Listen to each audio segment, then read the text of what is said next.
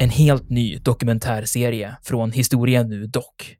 Av Kristina Ekero Eriksson och Urban Lindstedt. Det här är Vikingen i världen. Vikingarna, de var inte något främmande folk. Sannolikt är det ett slags tempel, ett kulthus helt enkelt. Enligt legenden så är rykiderna skandinaver. Från skeppet och bränslet och slavinnan och hennes herre hade blivit till aska. Du hör dokumentären på historia.nu eller där poddar finns.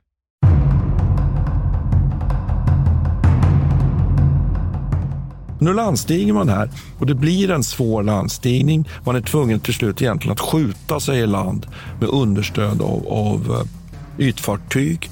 Och man måste ta det i flera vågor och så småningom så kommer man i land och så man lyckas både britter och amerikanare, för det, det är trupper både från den brittiska styrkan och amerikanska styrkan. Så, så småningom lyckas man då etablera sig och också få kontakt på stranden och så småningom komma i land.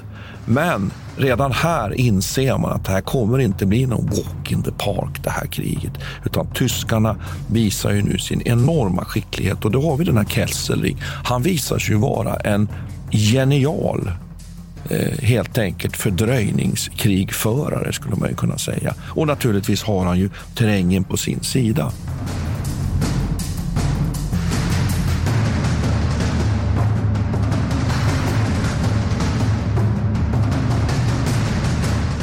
Militärhistoriepodden är podden om krig med människor och samhället i fokus. Programledare är Martin Hårdstedt, professor i historia vid Umeå universitet och Peter Bennesved, doktor i idéhistoria. Podden ges ut av förlaget Historiska Media. Stöd gärna MH-podden via vårt swishnummer 123 610 76 68. Märk betalningen med MH-podden.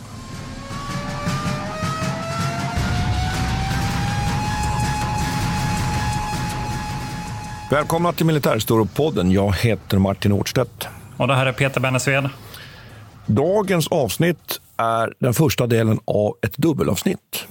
Vi ska behandla Italienfälttåget från 1943 och en, eh, fram till början av 1944. När de allierade faktiskt når fram precis till Monte Cassino söder om Rom. Och det andra avsnittet då kommer vi ta upp och behandla det dramatiska slaget om Monte Cassino och händelseutvecklingen fram till slutet av, av helt enkelt krigsslutet. Men eh, vi skulle väl behöva ha en bakgrund, Peter? Visst behöver ja, vi men det? precis. Ja. Jag tänkte öppna med att fråga om du vet vem, vem eh, Belisarius är? Känner du till honom eller? Ja, eh, men jag vet inte om jag riktigt vågar svara på det. För jag är inte helt Ja, du får, nu, får du, nu får du svara. Jag är inte bombis alltså. Nej, men jag säger nej, så får vi se vad du säger. Okej, okay. okay, nej, men Belisarius var en eh, bysantinsk härförare under eh, de gotiska krigen mellan eh, Bysantium och det som då var Västrom på 536, just det, just det. eller 500-talet efter Kristus. Så det här, Belisarius är, är egentligen den enda före det här allierade fälttåget in i Italien som har lyckats ta den italienska halvön från söder. Ja, just det. Mm. Ja, för det är inte så lätt att göra det. Och han gjorde precis som de allierade gjorde här, att han först landar i Sicilien för att sen ta sig vidare därifrån. Ta sig över med Messinasundet och sen in i Italien den vägen.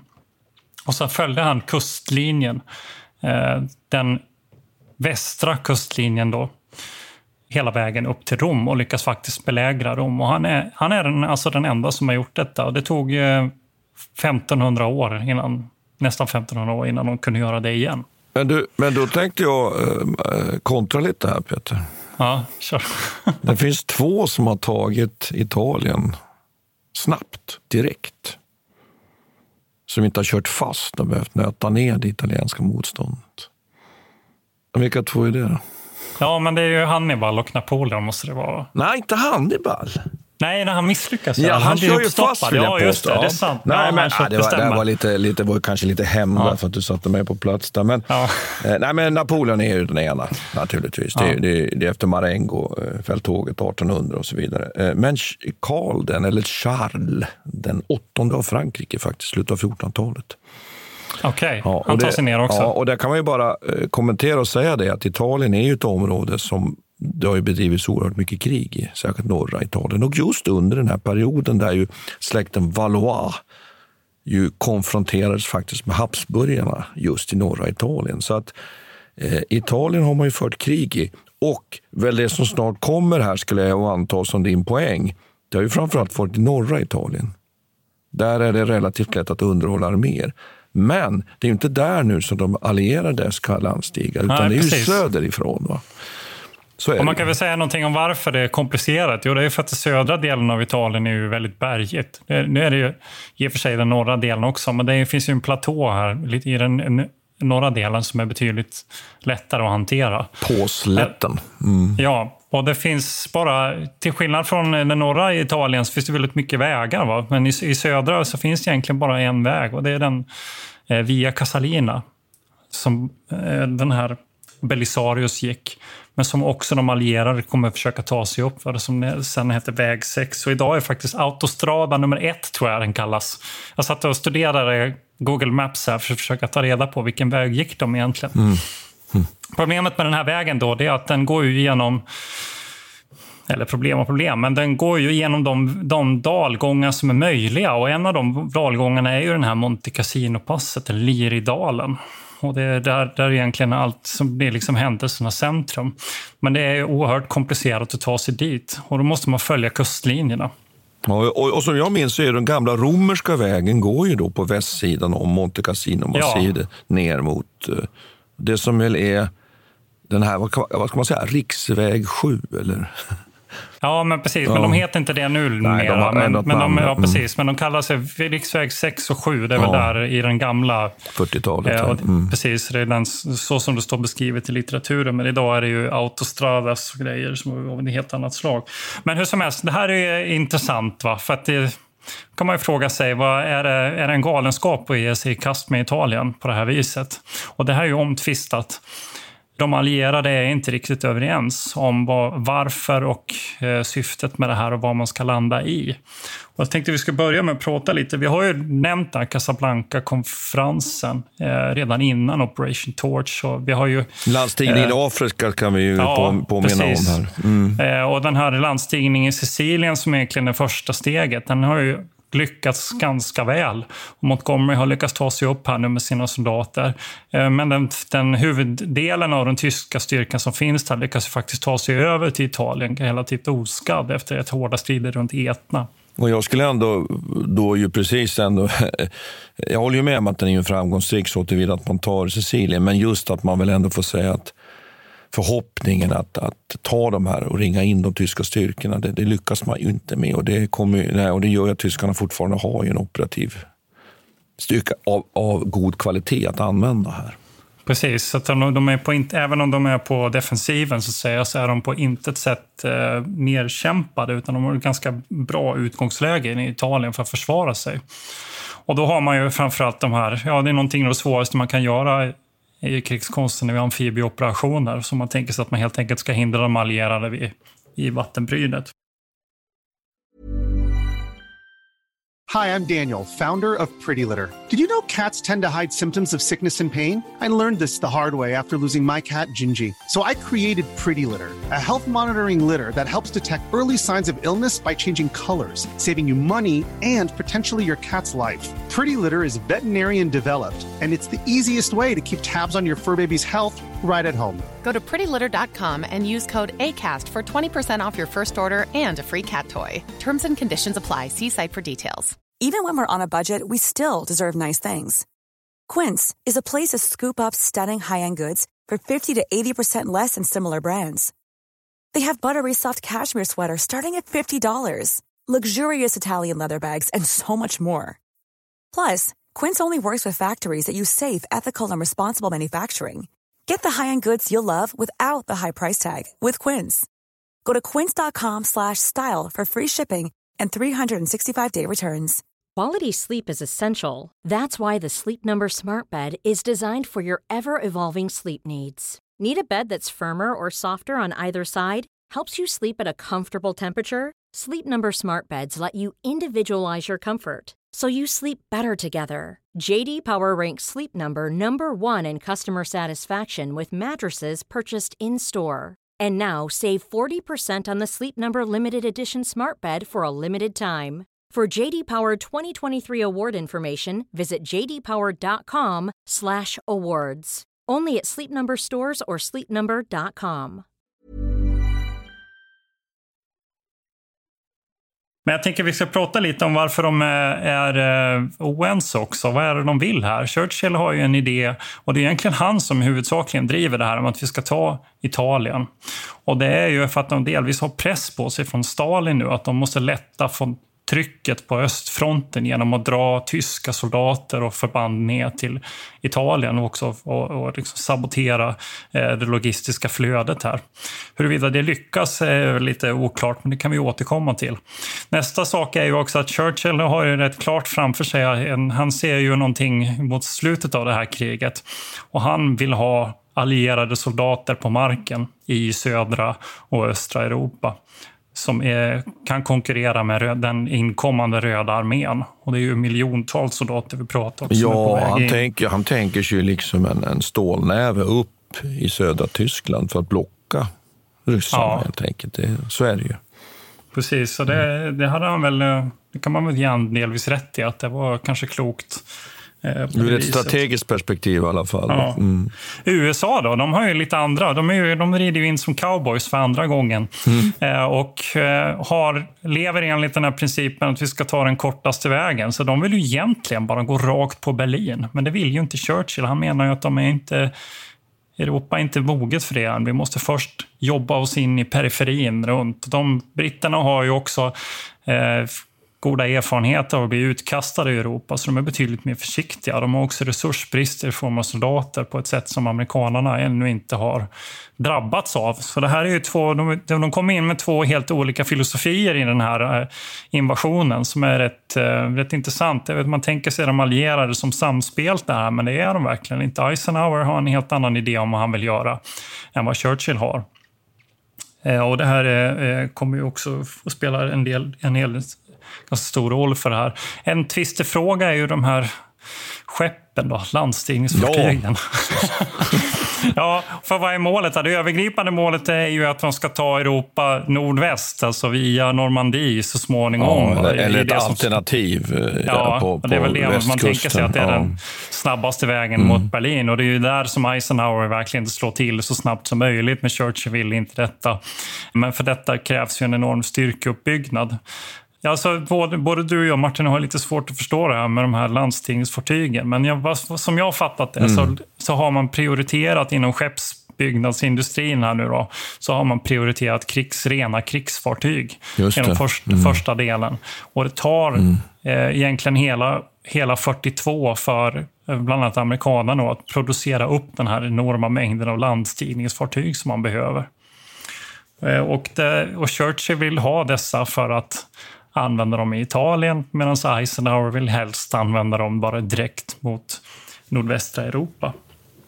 Mm, ja, och sen är det ju där också att man kommer överens om och, och tänker sig en, en diversionsmanöver som är kopplad till Normandie, nämligen att man ska landstiga i södra Frankrike. Och ja, men det kommer sen. Ja. ja. men det kommer mm. sen. Vi tar, vi tar den sen. För, det, mm. för det, det, är det som är intressant här. att det där målet som du pratar om nu, det som ska bli Operation Anvil, det har man inte klart för sig innan man invaderar Italien. Nej, nej, så det är ju nej. det som är intressant, mm. att man ger sig i kast med Italien utan att man egentligen har något strategiskt mål. Det övergripande målet är bara att slå ut Italien från, från kriget.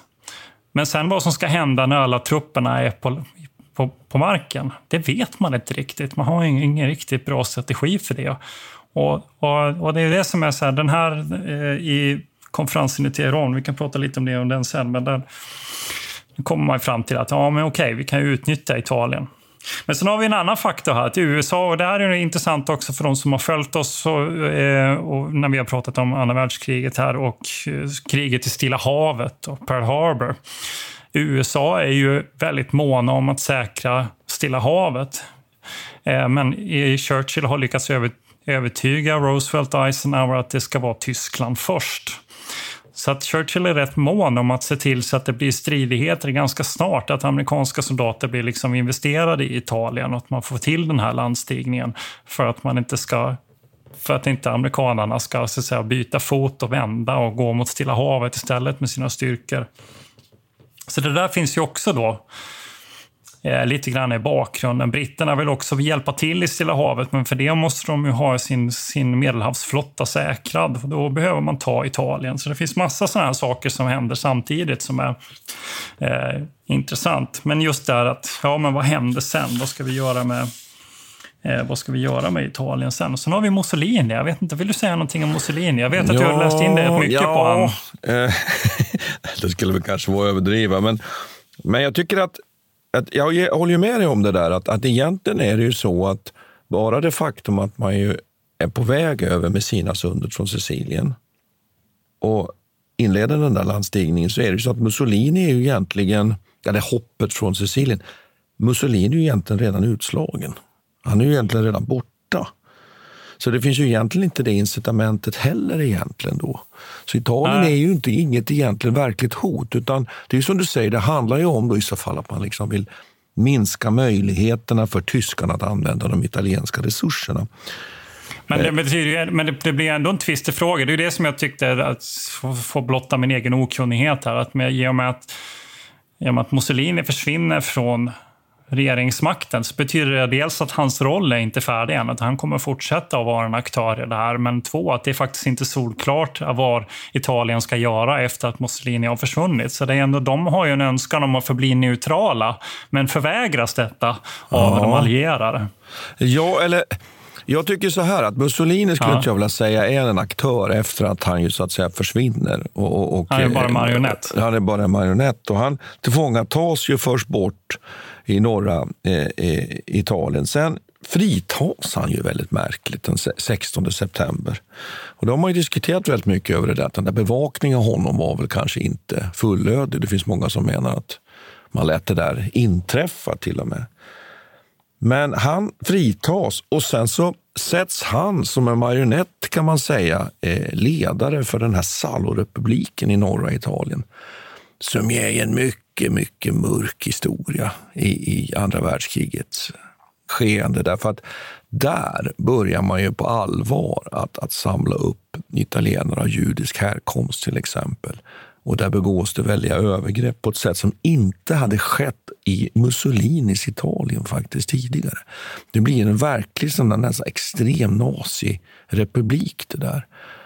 Eh, på ett väldigt otrevligt sätt. Så att han spelar en, en, en så ska vi säga, beklaglig roll. Och sen av, avrundas det ju hela tiden, som vi kan komma till sen, då, att han ju så småningom kommer faktiskt att dö. Det kommer kosta honom livet. här. Men precis som du säger, där, men jag skulle vilja komma in på ytterligare en sak här. Att, ja, kör. Ja, men att Italien, Italien kommer ju också att tvingas lämna alla de här områdena de ockuperat. Det är södra Frankrike, det är delar av Grekland, det är upp i, i övärlden längs med kusten upp mot Trieste och så vidare in mot Venedig. Och här händer ju någonting som är väldigt brutalt och samtidigt märkligt, nämligen att tyskar tillfångatar ju italienska soldater och avbeväpnar dem och ger dem ultimatum. De får egentligen två, två egentliga val.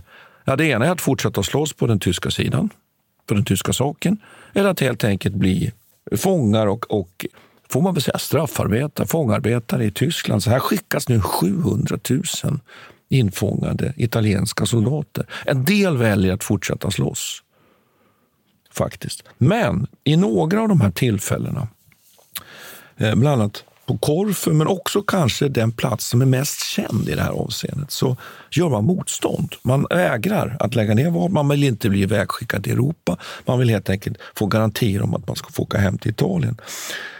Och bland annat på ön då, Kefalonia så genomför tyskarna helt enkelt avrättningar av italienska soldater i september 1943. Man vet inte exakt hur många. Det finns siffror upp till 5 000, men eh, man menar att det kanske ändå inte handlar om mer än under 2 000. Och det är den här 33 infanteridivisionen, då, AQI, som helt enkelt råkar ut för den här väldigt, väldigt brutala behandlingen. Och jag kan tipsa eh, lyssnarna, och även dig kanske här, att det finns en film om det här som heter Kapten Corellis mandolin. För mig lite sådär kanske romantiskt drabblig om jag får uttrycka mig så. Ja. Då. Men, men den fångar på, och den är ganska brutal, så jag rekommenderar den ändå. Jag vill bara tillägga för lyssnarna att Martin är egentligen en väldigt känslosam person och han tycker om att kolla på romantiska, Precis. romantiska filmer. Eh, Så hur som helst i alla fall så kan man säga att det här är ju ett enormt eh, krigsbrott får man ju säga. Det får man, så det är självklart att det är det. Och egentligen ställs ingen på allvar inför rätta av det här, men det döms i alla fall i Nürnbergrättegångarna sen en general Hubert Lantz som är formellt ansvarig för det här. Jag tror att han får eh, 12 års eh, fängelse eller någonting sånt då för det här. Men Men du, de där 700 000 soldaterna, jag kommer ju också... Tvångsarbetare i Tyskland, ja. Ja, ja. Jag snappade upp detta i, i, jag ska säga, jag kan tipsa lyssnarna också om att eh, jag har läst eh, ganska ingående Slaget vid Monte Cassino av Matthew Parker som jag tycker var en, en eh, en jättebra bok som man gärna kan läsa. Den är rätt tungrodd, men han skriver det där. Men, men eh, jag undrar, vet vi någonting om vad som hände med dem sen? Eller?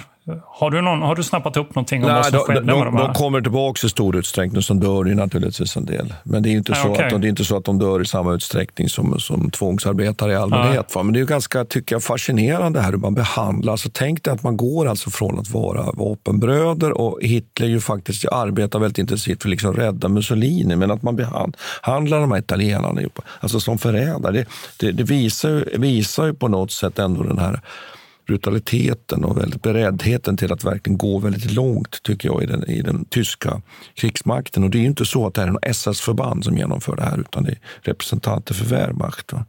Mm. Eh. Men det som man, jag tänker vi kan reda upp lite varför det här händer också. Det är ju så att eh, Italien ingår i ett vapenstillestånd faktiskt in, innan den här invasionen Ja. som vi ska prata om alldeles strax. Så ingår man ett vapenstillestånd redan den 3 september, men det tar fem dagar innan man kungör det via radio. Alltså den 8 september så är man i vapenstillestånd med eh, de allierade. Och det som anledningen till att man vill vänta med det här, det är ju att man är rädd för att de tyska soldaterna helt enkelt ska ta över, ska avväpna, ska befästa alla positioner som italienare tidigare har haft. Så man vill Ja, försöka... det här som vi beskrev här. Ja. Mm. Ja, så man vill egentligen vänta med det här tillkännagivandet så länge det går så att man så de allierade istället kan ta över de här positionerna.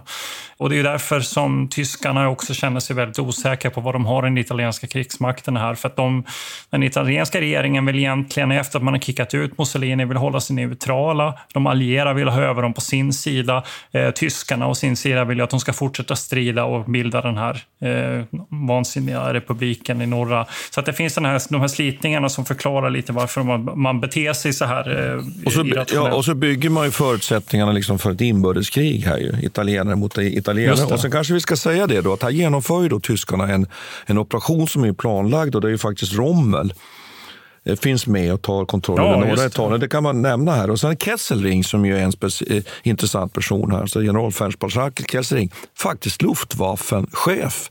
Men naturligtvis utbildad i den här militära eliten i Tyskland. är ju den som nu kommer att organisera motståndet mot den här allierade landstigningen. Tionde armén i södra Italien. Och, eh, ja, och så tycker jag väl att vi ska nämna här också att i det här vapentillståndet ingår ju också att man ska ju få då den italienska flottan ska ju segla till Malta, eller hur? Just det. Och här sänker ju tyskarna. Ja.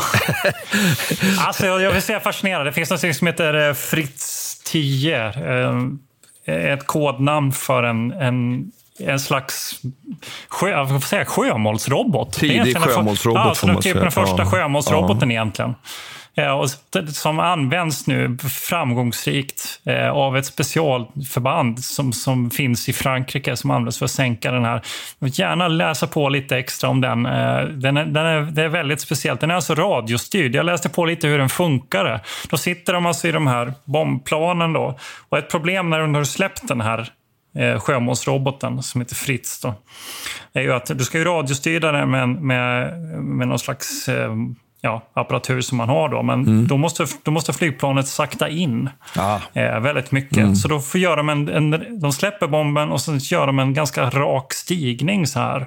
Eh, för att verkligen bromsa in så mycket. Och då gör man sig väldigt eh, känslig för Det som får ner hastigheten men också att man liksom stannar över målet. Och luft, luftvärnseld. Ja, Mm. och sen får den här, eh, den som är ansvarig för bomberna, få sitta och försöka styra ner den. Det är alltså en bomb som inte, den har ingen raketmotor eller någonting sånt, utan den, är liksom, den faller bara, men den har några, några radiostyrda vingar som man kan liksom manövrera den med och sen så föra in den mot målet. Och denna, en av dessa tio bomber som skickas mot den här Roma träffar rakt ner i ammunitionsförrådet och och det här skeppet sjunker omedelbart. Det är ganska tragiskt faktiskt. 1400 eller 1390 personer dör i, i princip omgående av den här smällen.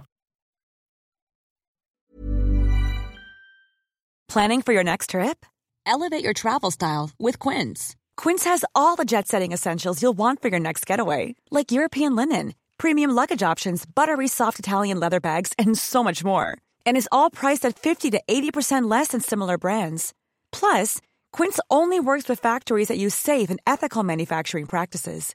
Pack your bags with high-quality essentials you'll be wearing for vacations to come with Quince. Go to quince.com slash pack for free shipping and 365-day returns. Quality sleep is essential. That's why the Sleep Number Smart Bed is designed for your ever evolving sleep needs. Need a bed that's firmer or softer on either side? Helps you sleep at a comfortable temperature? Sleep Number Smart Beds let you individualize your comfort so you sleep better together. JD Power ranks Sleep Number number 1 in customer satisfaction with mattresses purchased in-store. And now save 40% on the Sleep Number limited edition Smart Bed for a limited time. For JD Power 2023 award information, visit jdpower.com/awards. Only at Sleep Number stores or sleepnumber.com.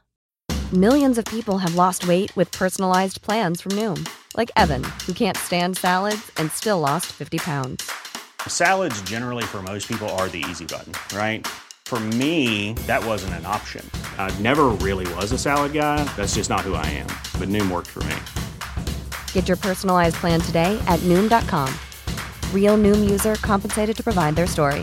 In four weeks, the typical Noom user can expect to lose one to two pounds per week. Individual results may vary.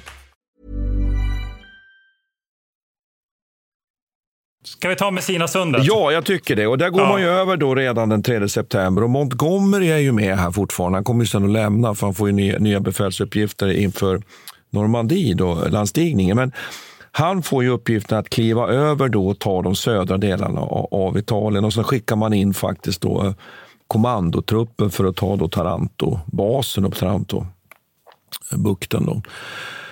Och sen så bestämmer man sig för att genomföra en ordentlig landstigning vid Salerno. Då. Operation Avalanche. Och för bara för att förtydliga, Salerno ligger alltså på andra sidan bukten Ja, från väst- Neapels. Ja, västkusten. Ja. Mm. Och där får man, tycker jag är fascinerande nu att nu har vi en räcka sådana här landstigningsoperationer. Vi pratade ju om Sicilien. Och de här trupperna som nu som man sätter in, de kommer alltså från Oran, Tripoli, Sicilien. Det är ganska fascinerande. Och de landstiger eh, vid Salerno. Man kan väl också nämna då att vad gör tyskarna nu då? Man tror att man ska kunna landstiga utan att tyskarna är förberedda. Så är det ju inte. Utan alla de här operationerna som vi pratar om, kriget överhuvudtaget i Italien är egentligen bitvis lite bortglömt i vissa avseenden därför att det pågår ju liksom samtidigt som kampen på östfronten och det har ju kommit väldigt mycket i skuggan av Normandielandstigningen. Men det är så att här utkämpas ju Peter de mest våldsamma och blodigaste striderna mellan de västallierade och tyskarna. Mm. Alltså inte i, under hela kriget, för det är ju naturligtvis på östfronten. Och man räknar ju mellan nu här september 43 och fram till april 45 så räknar man ju att de allierade eh, förlorar bara i stupade ungefär 60 000 man och tyskarna 50 000 man. Så det är stora förluster och det har ju att göra med, som du har varit inne på, den svåra terrängen. Och det kommer vi att utveckla ännu mer när vi sen kommer in på slaget kasino. Men nu landstiger man här och det blir en svår landstigning. Man är tvungen till slut egentligen att skjuta sig i land med understöd av, av eh, ytfartyg och man måste ta det i flera vågor. och så småningom så kommer man i land och så man lyckas både britter och amerikanare, för det, det är trupper både från den brittiska styrkan och amerikanska styrkan. Så, så småningom lyckas man då etablera sig och också få kontakt på stranden och så småningom komma i land.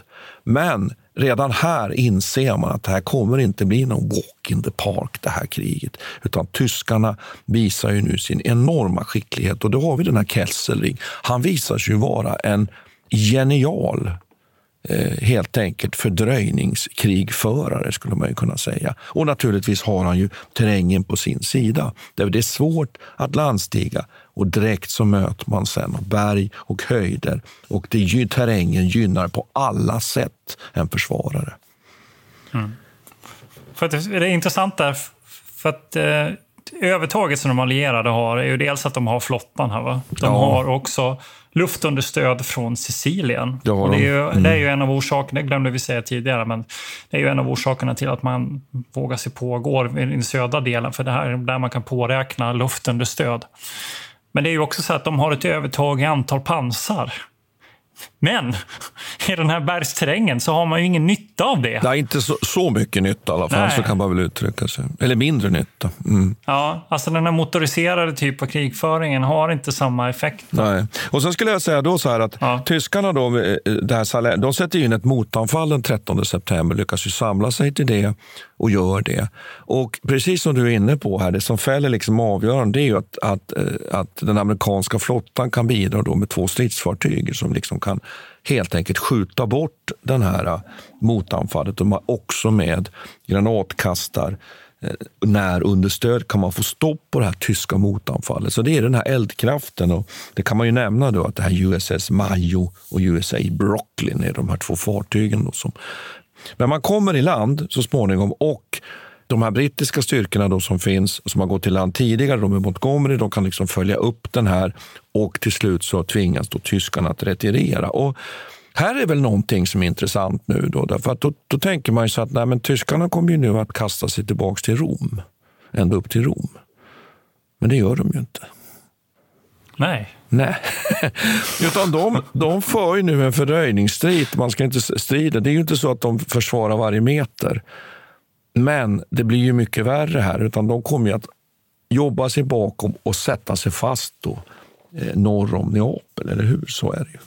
Ja, precis. Och det är ju vid Monte Cassino ja. och Leridalen som den här. Och man bygger upp, vet, men det finns två olika linjer här. Den ena är Reinhard-linjen. Och den har jag fattat det som att den här ger man upp ganska Ja, det är det som brukar ibland, ja, ibland brukar man prata om vinter, vinterlinjen, alltså där man sätter sig. Och den är man tvungen så småningom att, att, att utrymma. Och sen då kliver man ett snäpp längre bak, då, upp till, som du säger, kasinomassiven här. Och där visade det sig att det blir väldigt, väldigt svårt för de allierade. Men vi har också, jag vet inte, de har landstig i Bari också i ett senare läge i oktober. Ja. Alltså kommer in från olika håll här nu och tar den här luftflygfältet vid Foggia. Mm. På, det och det är på öst, ja. östkusten pratar vi Ja, ja, precis. Mm. Det är också någonting som är... Jag tycker att det är intressant här, för vi kan prata lite om de olika eh, inställningarna. För att någonting som framgår väldigt tydligt när man läser Matthew Parkers bok, det är ju att eh, det lidandet. Så, här, så du har varit inne lite grann om att man tar enorma förluster.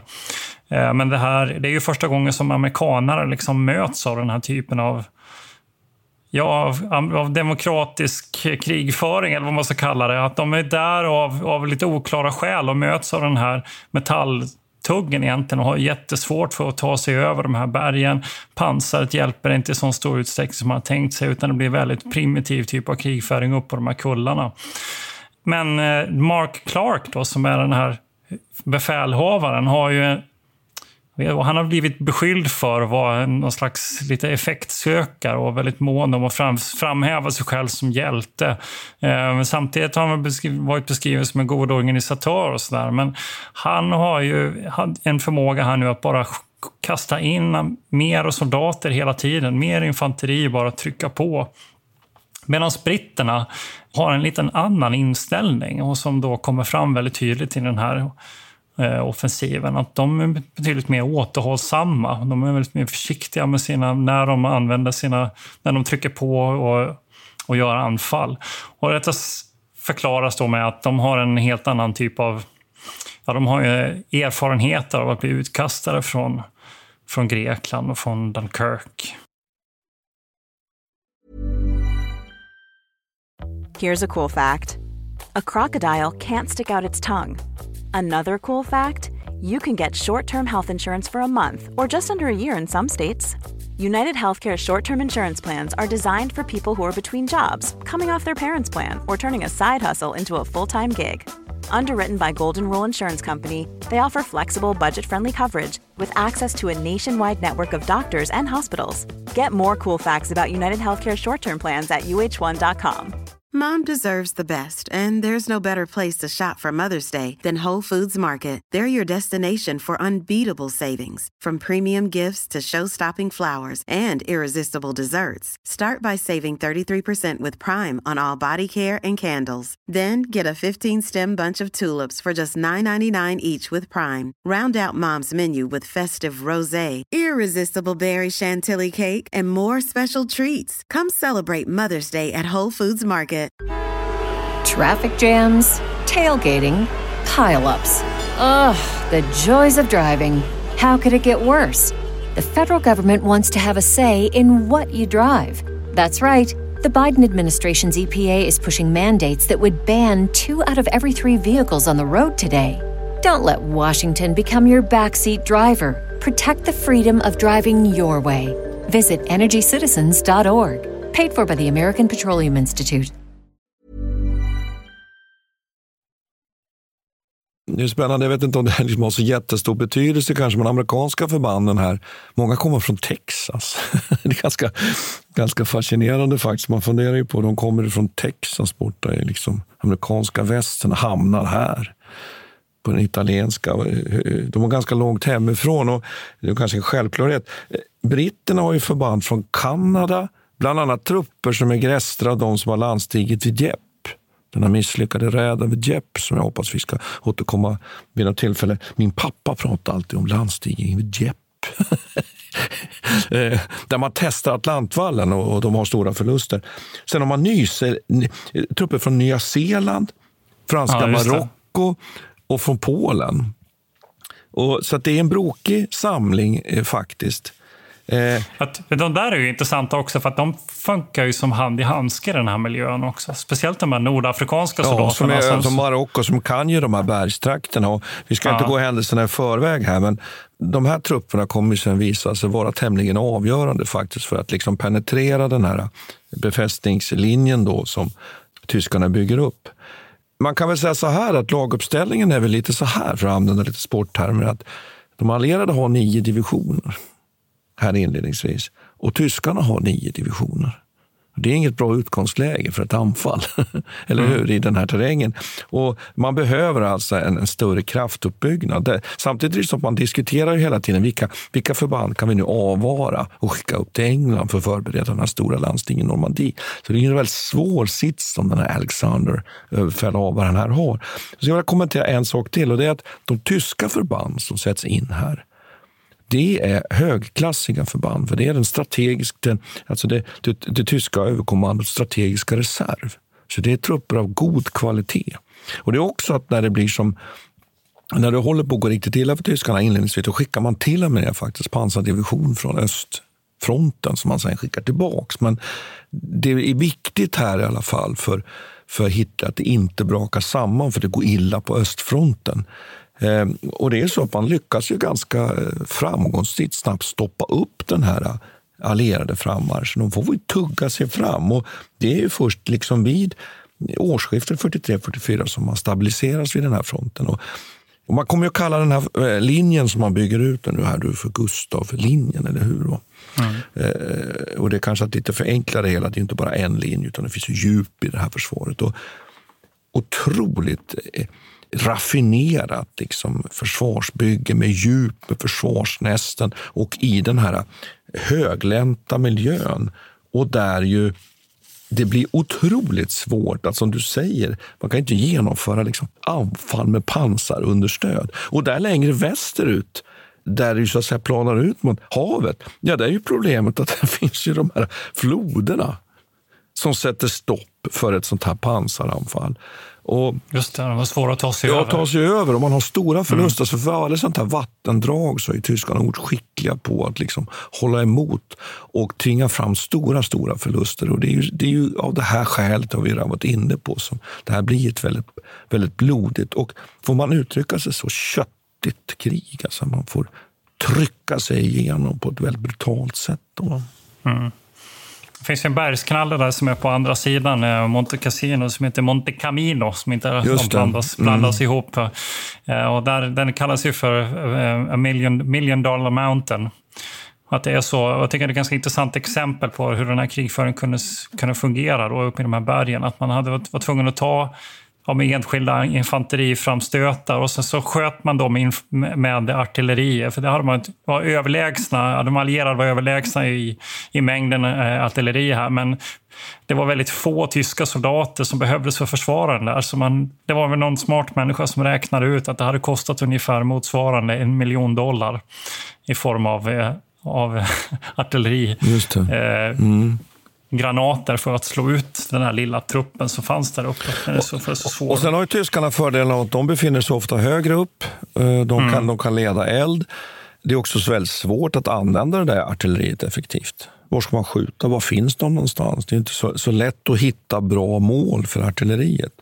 Och sen blir det väl på det här sättet, Peter, att man mitt där uppe på den där liksom, kli- klippansatsen finns ju det här klostret Monte Cassino, eller hur? Va? Mm. Och då undrar man ju på allierad sida lite, vad, vad använder tyskarna det där klostret till? Nej, precis. Det är det som är frågan. Man kan, väl, kan vi ta bara innan här att i oktober så har man ju tagit Neapel. Ja, det har man gjort. Så, så, att, så att innan vi kommer till Monte Cassino så kan man konstatera att man har tagit, man har egentligen lyckats med de första krigsmålen här nu. Eh, egentligen att, att, att dels få ut Italien. Neapel är helt sönderslaget. Det är bara fullkomligt sönderbombat. Det är ett stort eh, civilt lidande här också som pågår. Men då är ju frågan här nu, hur ska man ta sig vidare och vad ska man göra? Och då, då, eh, samtidigt i januari 1943 så pågår ju Teherankonferensen. Ja, eller det, det är ju redan i december faktiskt. Ja, är det december? Ja, Förlåt. mm. Eh, Och det är här man då bestämmer sig för att man faktiskt ska gå mot Rom. Och att faktiskt ta Rom. Ja, av det Så där att- skälet som jag ju var inne på lite för tidigt Ja. här, nämligen den här Anvil, den här eh, diversionen. Eh, Eller egentligen är den ju inte det från början, utan det är ju egentligen liksom det där sättet att man ska sätta press på tyskarna i Frankrike. Men det blir då en sån där divisionsmanöver som ju inte ens liksom Eisenhowers stabschef egentligen tror på. Han tycker det är en bortkastad operation. Men nu har de ju fått order om att göra det och det ligger ju också liksom i, eh, handlar ju om politiken här mellan de allierade. Och då blir det väl på något sätt som vi uppfattar det att nej, men man kan inte genomföra en operation om man inte tar området ja. norr över Rom. Och så man måste förbi Gustavlinjen och Monte Cassino för att det där ska vara liksom möjligt. Och Det har ju att göra med då räckvidden för de här landstigningsfartygen och så vidare. Eh. Mm. Så att här står vi ju nu i, i, ja. i januari eh, 1900 44. Och Det hela har ju faktiskt kört fast och man är ganska bekymrad på den allierade sidan, eller hur? Och Man funderar ju väldigt mycket på då olika planer för hur man ska ta sig, eh, ta sig igenom här. Och Vi kan väl, kan väl inte säga så här mycket i alla fall, Peter, att man funderar ju för det första då, som jag sa på vad, vad, vad använde tyskarna klostret till? Vad har det för betydelse? Det ligger ju här nämligen ett kloster där uppe. Det har vi anledning att återkomma till lite mer om det. Och man genomför ett första försök, så mycket kan vi väl säga. Eh, den 17 till 25 januari så genomför man då ett, ett, ett anfallsförsök att slå sig dels vid floden. Och tanken är ju liksom på något sätt anfalla Monte Cassino-massivt och samtidigt komma igenom då på de här vägarna längs med kusten. Men, men här kör man ju fullständigt fast. Och här har vi ett dödläge.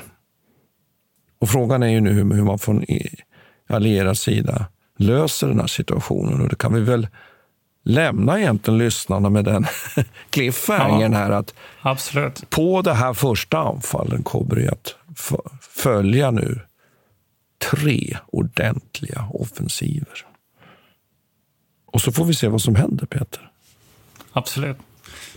Jag tycker att vi kan, eh, vi kan stanna där och, och sen eh, känna oss nöjda med det. För att eh, det här Monte Cassino en rätt speciell händelse också. Av, eh, det blir en stor medial händelse över hela Europa egentligen. Och jag tänkte vi ska prata om det i nästa avsnitt med att det här är ett medialt krig med.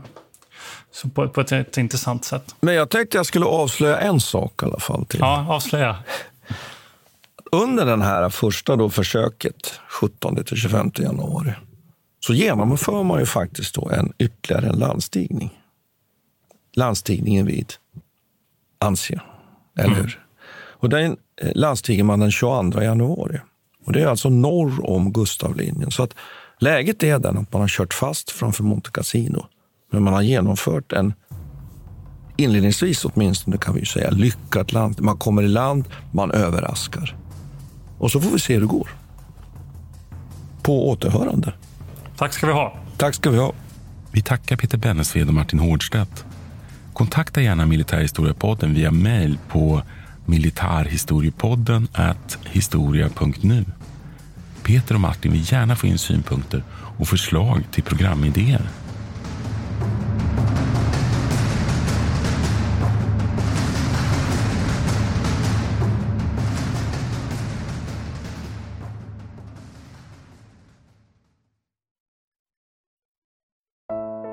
Iran har under 1900-talet genomgått tre omvälvande revolutioner som orienterat landet antingen mot västerlandets modell eller mot en auktoritär styrelseform. Idag pågår en social revolution i landet som vänder sig mot det islamistiska styret och vars anhängare har Europa och väst som förebilder. I en viktig bok ger idéhistorikern Mohammad Faslashemi en djupare förståelse för dagens dramatiska händelseutveckling. Iran mellan tre revolutioner är utgiven av förlaget Historiska Media. Beställ den fysiska boken på förlagets hemsida historiskamedia.se eller köp den i en bokhandel nära dig.